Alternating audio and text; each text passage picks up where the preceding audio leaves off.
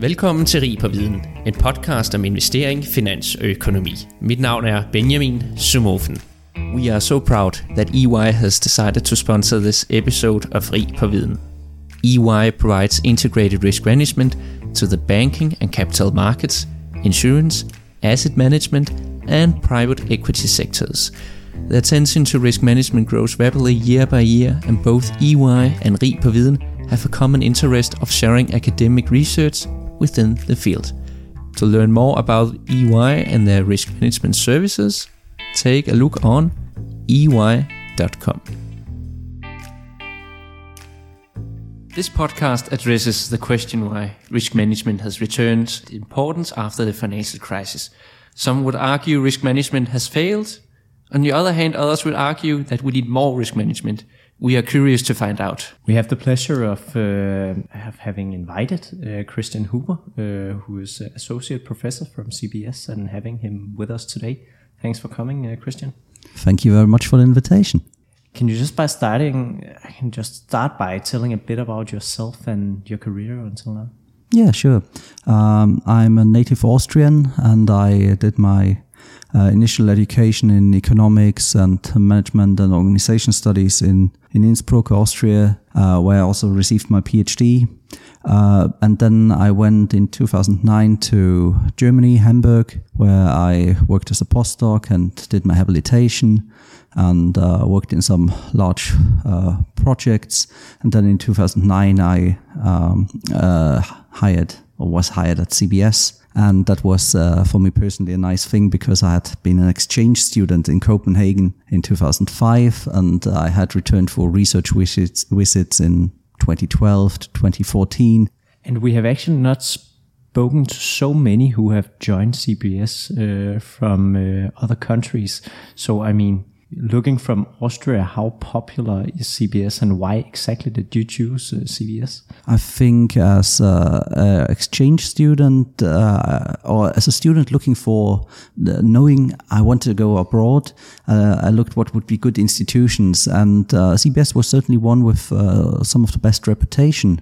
Uh, at least in sort of my student population in Innsbruck, and there there were other places, maybe like Trinity College Dublin or so on, but sort of the mixture of uh, Copenhagen and Denmark and uh, CBS having such a good reputation in management and in economics was sort of a, a draw for me. And then a couple of mates uh, said, uh, oh, maybe we can arrange that. And uh, yeah, that, that, that, was a big, a big draw.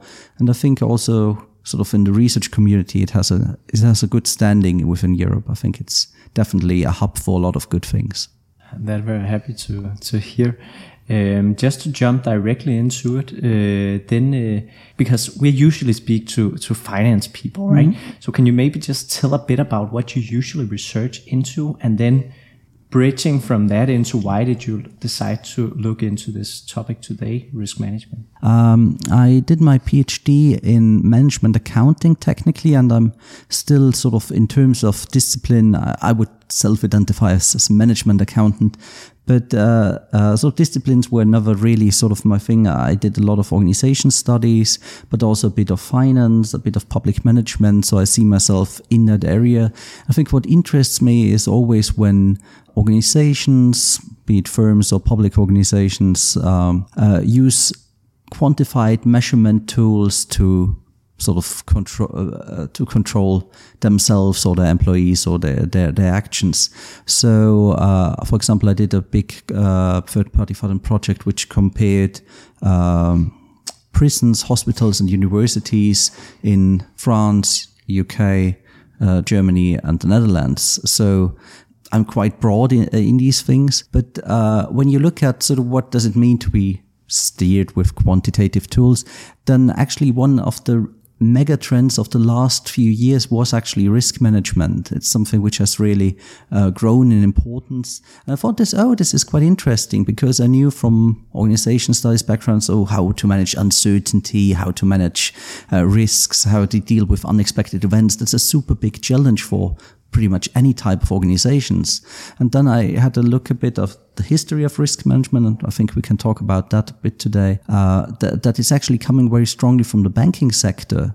Uh, and then I thought, oh, this this is interesting. Sort of, uh, you, you, have a lot of uh, developments, how management evolves, how management as a fashion or as a tech technology uh, evolves, and sort of this super interesting field where sort of a, lo- a lot of drama and lots of crisis and exciting stuff happening. So I thought oh, that, that, that's a good point to start. Before we go into the drama and exciting stuff, uh, I think we should just start all about from scratch. Now yeah. you mentioned risk management mm-hmm. a couple of times. What is it? Yeah, that's a surprising, tricky thing to argue, uh, to, to answer, because let's start with the first word. What is, what is a risk? And a risk is a very tricky thing because a risk is never something. As soon as it manifests into something, it's it's a damage or it's a gain, but it's the risk itself is just sort of a product in our head that something might happen. So, so you get these uh, various definitions of, of risk management. And it says things like, okay, we need to look out for things which threaten reaching our objectives. And then, yeah, but you, a risk is sort of the, the buildings burning down, but no organization would write our objective is that our buildings bur don't burn down. That that doesn't make a lot of that would be a very unambitious organization. So so it's it's quite tricky because risk management can be a lot of things. It could be really a lot of different things. When you look at what it actually is, it's usually uh, a system where you have a list of uh, risks which potentially can hit the organization. How you come to that risk is uh, to that list is quite, yeah, different or controversial sometimes. And then uh, there's the attempt to so, so, somehow quantify these risks and then uh, direct appropriate management attention to those risks. Let's put it very generally.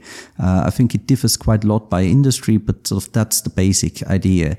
The problem is really that any of these stages is very fussy what it actually means in practice. Yeah, and you said that risk management it originates from the financial industry, mm. but now this has grown into other industries as well. Could you maybe tell a bit more about the history of risk management and why has it grown so popular in, in nowadays? Mm. The, the funny thing about risk management is that when you talk to people, uh, practitioners, but also every day, it's like when we have risks, do you expect organizations to manage them? Yeah, of course you do. That's super intuitive. It would be really unintuitive not to manage your risks in some way. But when we actually look at what corporations did or do, uh, that that was the norm. We have actually sort of the first part risk management. Uh, the first part is from the 1920s roughly, where there's this distinction between risk and uncertainty, and that has been taken up in uh, in finance. Then in the 50s, we have a bit of decision decision science, which uh, has a bit of a risk, but that never really led to risk management system. That's more how managers decide individually.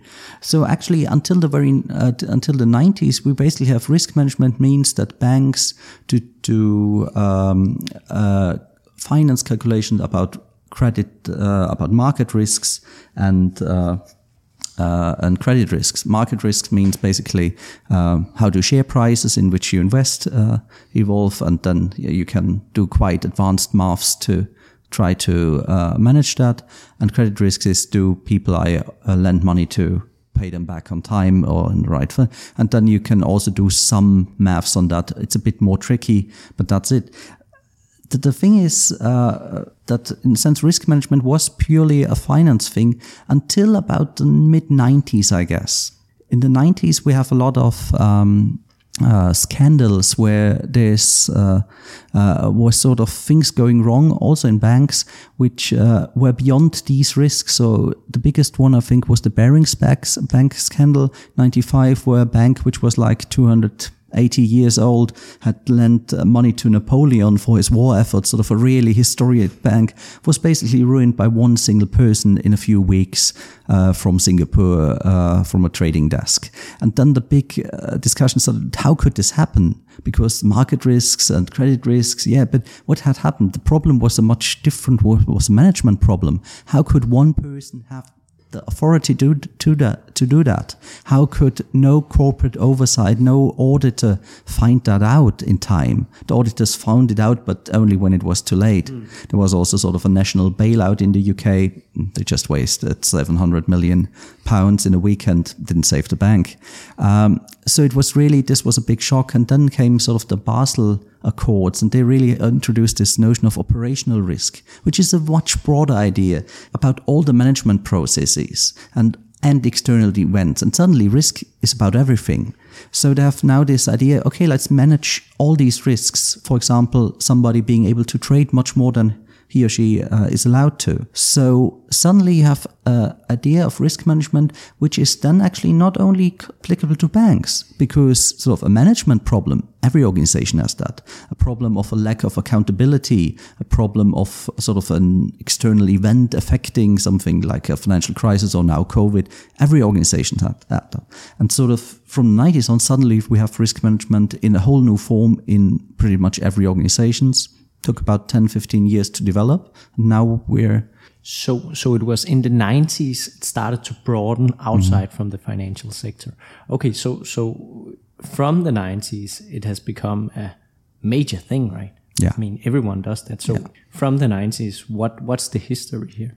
I think uh, we, uh, the big uh, hallmarks is that you uh, have in different countries um, different corporate governance codices, laws. In uh, America, there's the Sarbanes-Oxley Act.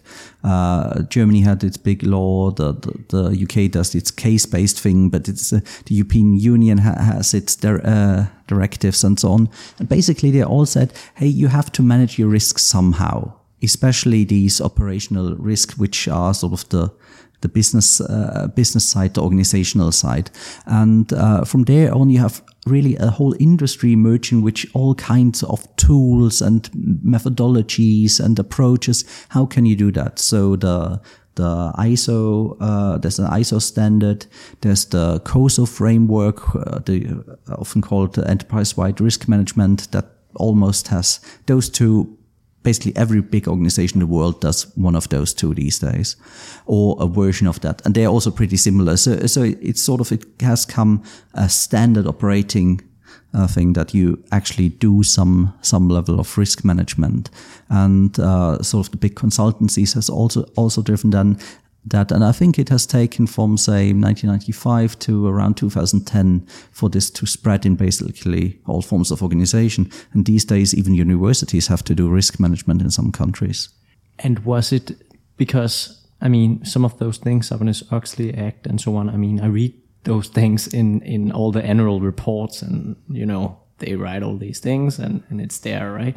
But, uh, but, but is it correct understood that the risk management from the 90s is really a result of regulation. I mean, it's not the companies doing this themselves, but it's, I mean, getting regulated after some events such as the financial crisis or Enron or what you have. I think, sort of scientifically speaking, it's a bit difficult to say really what's the product of what because you also have sort of the management idea that, hey, let's manage our risks and that's a thing.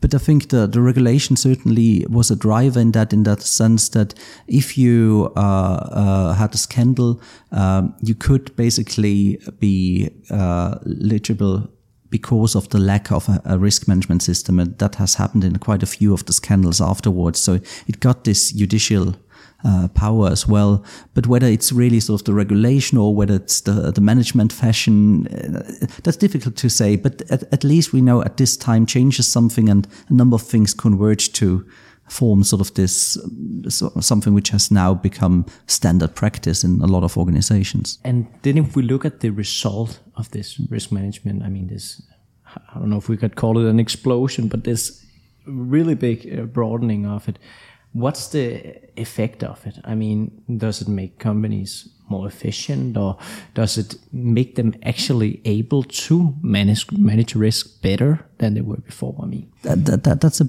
really good question, and the evidence is not anonymous, but there's the suspicion that it has not managed to sort of fulfill all its potential because in theory okay now we manage risk so we should be actually more successful because we produce less scandals. Have scandals significantly gone down in numbers since that you could probably argue no, you don't know how many there would have been maybe in addition, but still it's not a thing. Also, the whole relation to efficiency is of course a tricky one because when you do risk management, you suddenly start to think, okay, we need maybe more redundancies and we need more uh, precaution measures, and that's usually quite inefficient, and it's hard to argue against these things. So my favorite example is when they launch a space shuttle, uh, they have a computer doing the the navigating calculations, they have five at the same time independently running. And there was a case where four of them malfunctioned. So that means, of course, why stop at five? Maybe we need 10, 15. But at some point, of course, you have no money for operating your thing anymore. So risk is in the sense, okay, it would be nice to be able to manage it all away. But then you don't have any money to do your operations. Sort of, if we didn't take any risks, also as a person, we shouldn't go uh, across the street. It's super dangerous. So uh, it's really a question of the dynamics between sort of the expectations, what it could, and what it can realistically do. And there's probably a big gap. So the, the suspicion is that risk management is not as working as well as we might dream or hope. As usual, we always take focus on a research paper, and no exception today. You have also written a paper uh, together with Tobias Scheytt, and it's called The Dispositif of Risk Management, Reconstructing Risk Management After the Financial Crisis. Just overall, what was your motivation to write this paper and look at how risk management has changed after the financial crisis? Uh, the, the paper, I think, was published 20 2013 or 2012, and the the, um, the, the, research for uh, the idea began quite soon after the financial crisis, and it was actually sort of a special issue in a journal. And uh, they asked us, "Yeah, could you do something about risk management?" Because we had done stuff on that before, and um, they actually asked us uh, to do something more conceptual because a lot of our research is empirical driven, sort of in my domain. It's a lot of qualitative research, but especially in risk management, we have a lot of quantitative research as well but we don't have too much sort of big picture theory. And that's uh, where they asked maybe that would be for that special issue a nice thing to to have uh, at the start of the issue uh, a paper which is more about theory. So we thought, yeah, that that's actually interesting because it is a nice was an interesting time to look at risk management because actually in the financial crisis, risk management got a bit of blame for actually producing the crisis or helping the crisis uh, in addition to not preventing it. So together with what we just talked about, this rise of risk management, okay, this everybody does that. And in the years since it's actually been further growing, thought, oh, this would be a good good thing to think about. And uh, I, I can't start thinking about. You said that risk management is such a broad topic. I guess it's even more broader when you're going to research about it. H- how do you measure the effect risk management? That, that's a very good question. In a sense, uh, the, the, global financial crisis, if you look now, there's a quite stable story of why it happened, and we can go that in a second. But back then, straight after the crisis, a lot of people were really asking themselves, what has happened? What, was going on? So we started sort of with observation. There's a lot of risk management. This has been sort of the birthplace industry of risk management. And it seemed to be somehow involved in the crisis, but it didn't prevent the crisis. So let's have a look at what, what they did and let's try to sort of take a big picture approach because of the numbers that this was going wrong that they were quite clear. The reasons why it was going wrong, that was to some degree still is very unclear. So was this a quantitative study or a qualitative? It, it was a conceptual study. So I think we were with uh, qualitative, but we we tried to work more from theory generally. Hmm? But but then if we look into the paper, I mean, if you should do your uh, uh, three key conclusions here, what what what what are the major conclusions from the paper? Maybe to to set them up properly. Um, the, the, the, the, problem with uh, risk management in the financial crisis was that it, it came from these uh, underlying bad loans in the mortgage market. And the way it, it sort of got so far was uh, that they uh, used risk management tools to combine them. Of the idea that if you combine different risks, you can hedge them and you can sort of reduce the overall risk, which is a fine idea.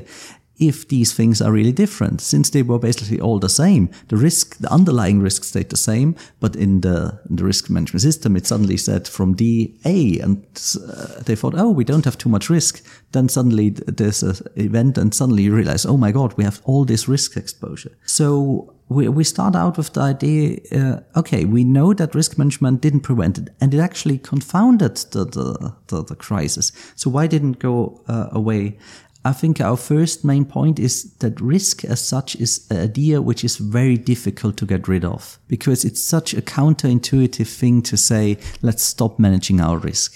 So how could the answer to a big crisis be, oh, less risk management would be good? Even though risk management has been at fault. So if it's super difficult to think that way because risk management is sort of of course, we need more. It's a bit like auditing, which also has been shown to fail, and still we need more. And uh, but that's not so much that the risk management the, the thing they actually did was very meaningful, but the idea, the image of risk was something which is just very well. We looked a bit at social theory, and in philosophy, social theory, there's a, a bit on um, how power works in states of exception. And we thought, oh, such a big crisis, that's a state of exception. That's something where it's not normal. And more from coming from the political science, they say state of exception is uh, when you suspend the normal rules. And we saw that through the financial crisis. I think the bailout is a good example. It used to, no, no, the financial industry is independent from the state and we should not do that.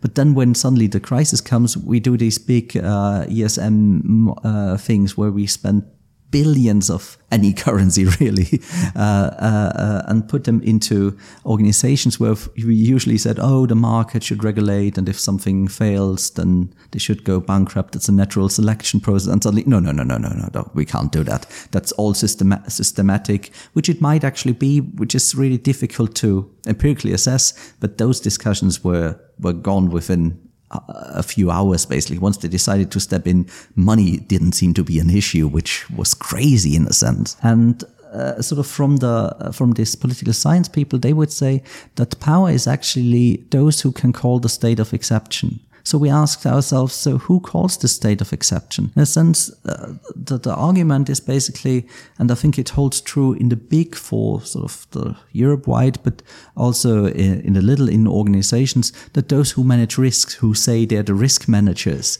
that they have become actually very powerful in the crisis, even though that they might be actually to blame to some degree for allowing this setup to to work. So we thought this was actually a quite interesting and a bit counterintuitive uh, phenomenon, or, or, that's our main punchline, that those who might not have done particularly well actually gained a lot of power, but that's because risk and crisis are certain concepts rather than sort of okay let's look at if these uh, sort of hedging calculations make any sense or not. That's what not was not a discussion we had until years after the the crisis yeah, but you're also quite skeptical about uh, yeah, risk yeah. management. You even uh, says it has failed during the financial crisis.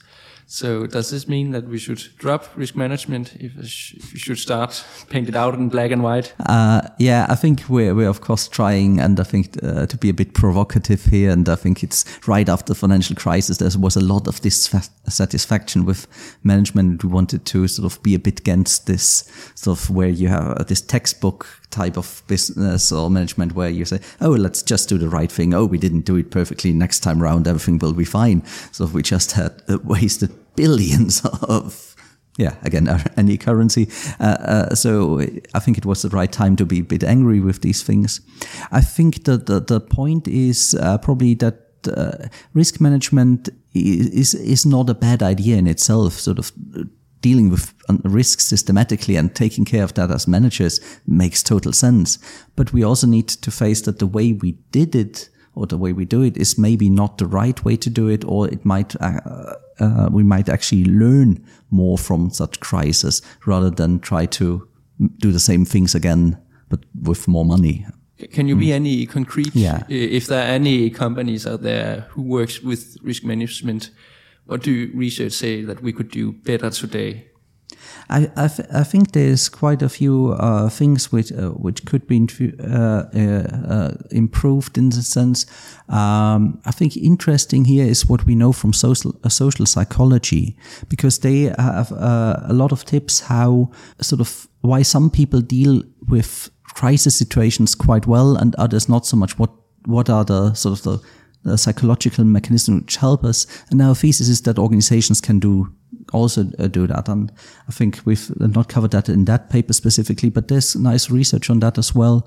And I think uh, one thing is uh, uh to look at uh, weak signals, sort of uh, that the crisis is there when, when when companies go bankrupt that we know there's a financial crisis. We also know from experience financial crises come like every 10, 15 years or something, something happens, but we never know where exactly and what and so on. But if you look at the ex post analysis of these things, we almost always had some warning signs before. And you have that with almost all types of uh, accidents or crises and so on. And usually it's a story of responding too late, not listening to sort of these little things uh, which go wrong where you rather than just continue to uh, to do uh, business as usual. So um, quite a few of my colleagues who do risk management are a bit more positive towards the whole risk management thing. Said, well, actually, quite a few of the risk management systems produced a lot of red flags, but they were were ignored. So the question is really how do we do we attack uh, direct attention to these things, which sort of oh this seems like indication for something very inconvenient happened. And it would really make my life much more stressful if that really happened. Often we find, okay, let's just ignore that. We do that in everyday life and organizations do that much worse. Uh, how can we make sure that we actually listen to these things and look out for, for these problems? And again, social, social psychology can be interesting here. And I think the same is for organization. How do you make sure that top management gets to know these uh, these things. For example, in a financial crisis with these uh, with these aggressive loans, a lot of top management later said they, they didn't actually know that these kind of sort of selling activities were going on. Yeah, how, how could they not know? Well, somebody must sort of not have listened to to that. Yeah, so you say, I think this is a classical issue if you look at every company that uh, teams they work in silos and maybe mm-hmm. within the risk management department they knew there are some problems, but it wasn't really communicated out. But I think this is a two-handed side because uh, I know this is uh, old research uh, in, in the, these days, but you actually mentioned that risk management they are growing maybe too much, but but now you're arguing that we should pay more attention to risk management. And as I see then we have to put more resources into it. So uh, is it growing too fast or should we put more resources in it or could we work smarter? Yeah, I think that, that that's a brilliant point, and I think the, the, the last thing would be, of course, the right one to work smarter. And uh, I'm just doing a research project on the three lines of defense model, which is super popular right now, where you have sort of okay, we we have the the, the people who do in banks the the, the trading, the uh, uh, they're independent from the risk managers and they're independent from the internal auditors. And like in a Swiss cheese, uh, if you have enough layers, it's it's hard to find an overlapping hole, so you can't nothing should slip through. But in reality, we talked to there's massive people did know everybody said they did the three lines of defense, but uh, they had massively different definitions of what they what they were. So multiple people claimed to be in the second line of defense in the same organization, uh, even though they were on different functions and those kind of things. so that's sort of okay. Um, probably it's not that we need more risk management in a sense, but we need to be thinking a bit more cleverer whether sort of these ideas of, okay, as you said, we're, we're working in silos and that's a problem of communication. And we have these systems where we're building Chinese walls and don't talk to each other. These are sort of mutually contradicting people. And uh, I guess the problem is that we have a lack of big picture also within organizations. So we, you would expect management, especially top management, to get a bit more clarity on what what should people actually do, what should we take, uh, what should we pay attention to, and so this attention directing directing is where I think we could be uh, be better. Not necessarily that we would need more risk management for that. We we just need to sort of better communication within these structures which are already there and which are by idea not bad. I just had a, had another thought because one one thing is uh, identifying the risk, right? Mm-hmm. Uh, another thing is to have a clear process in what to do uh, when these risks actually happen, and that's also uh, that's also a, an aspect of risk management. So, do we know anything about that when a risk actually uh, turns into a real thing? that they are actually able to follow this process? Or, I mean, do we know anything about that? Yeah, I think the the the, the pro- what, what what organizations initially did with risk management was drawing all these big uh, lists of risk registers. So, what are the risks of uh, uh, uh an organization? I, I, did a project in a hospital, and they came up with two, our 250 biggest risks. And that's, of course, a lot of things to man- manage. And how many? 250? 250. And they were, yeah, but they were quite superficial in a sense. So you could, for each, go, go down. And we had an IT person saying, no, uh, some organizations, some hospitals, then up to 4,000 risks. But the, the, the problem with that is you have these big lists and so on. But what about that one risk affects the other? So the, the trend has now been going to go more for risky events. So if something happens, what are all the things which are affected? And I think that's actually the more meaningful way to think about it because risk management is not about completeness. You cannot do away with risk. You can never even, for example, COVID, you, these hospitals, they didn't know COVID was a risk. Of course, they had a risk uh, for sort of infectious diseases, but they had things in mind which would go away in two weeks or two days, usually, like a norovirus or something. Here, we have something which is in two years not gone. So uh, you can't, but you can sort of try to to think of if these things happen, how how as an organization to respond, and there's sort of these debates about organizational resilience and uh, these kind of uh, ideas that you move back to a term, or even that you change in response to to, uh, to new challenges or new environment, and that, that's probably the the better way to to think about it. Sort of the interdependencies are are what makes it difficult, and thinking in more in events would probably uh, be an idea here. And then looking into the, the future, Christian, mm-hmm. that you have to predict now, uh, would you expect us to see much more or less risk management going forward? I can't see a future where we have less risk management. My hope would be, of course, that we probably don't have more, but a bit cleverer risk management. I think uh, the, the, whole COVID thing uh, will probably tilt us to even more sort of scenario analysis and uh, type of uh, scenarios, especially I think every new virus or everything, every new healthcare issue will be now very much in the spotlight for the coming years. Um, but it doesn't mean that the next big crisis is a healthcare one. It could be another financial one or it could be something else. We, we, we don't know. But in either case, I can't see it going away in the near future. No, and also, I mean, one thing is is is pandemics. Another thing is uh, what do I know? Data, GDPR, mm. uh, ESG, uh, major oh, thing, yeah. right? I mean, I, am I'm, I'm just seeing these uh, yeah. these sections in the annual report just becoming longer and longer. yeah, yeah. I mean, it's the same thing you're seeing. Yeah, exactly. Sort of the, the climate crisis is definitely something which will be ever more important. And I think it it's quite clear that, that there's a, a lot of awareness here in Denmark, but I think this awareness will become more worldwide in the future.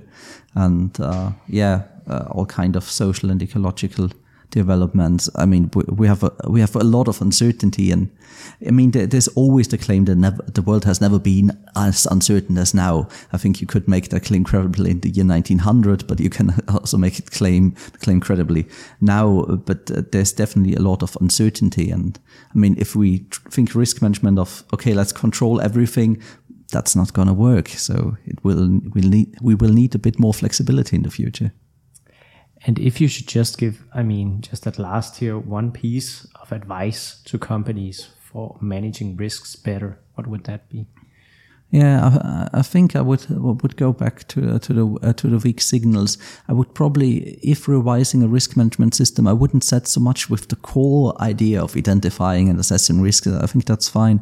I would much more uh, uh look for how information is collected, how and there we have actually with our new world of data, we have all, always too much information actually. So how can we sort of sort through information? How can we make sure that uh, the right information ends up in the right sort of management circles? Uh, the that the flow of information is actually working. I think that's that's probably the bigger issue than any risk management technology in its very classical narrow sense.